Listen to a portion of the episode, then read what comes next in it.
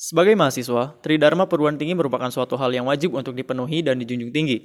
Salah satu tugas mahasiswa yang tercantum dalam poin Tridharma Perguruan Tinggi adalah riset. Riset merupakan aktivitas pencarian ilmu pengetahuan baru yang dilakukan secara terstruktur, sehingga dapat dipahami oleh siapa pun dan dapat dipertanggungjawabkan. Mahasiswa mempunyai peranan penting dalam memegang fungsi riset di dalam lingkungan kampus. Riset mahasiswa tentunya memberikan banyak pengaruh terhadap perkembangan ilmu pengetahuan dan perkembangan sosial masyarakat. Riset mahasiswa adalah energi untuk terus hidupnya aktivitas berbasis keilmuan di lingkungan kampus. Sehingga, mahasiswa sangat penting untuk terus mempelajari dan melakukan riset. Maka dari itu, sebagai mahasiswa yang bertanggung jawab atas tugasnya, ayo kita masuk ke dalam dunia riset dan memberikan inovasi serta ilmu pengetahuan baru yang berguna untuk kemajuan bangsa dan negara.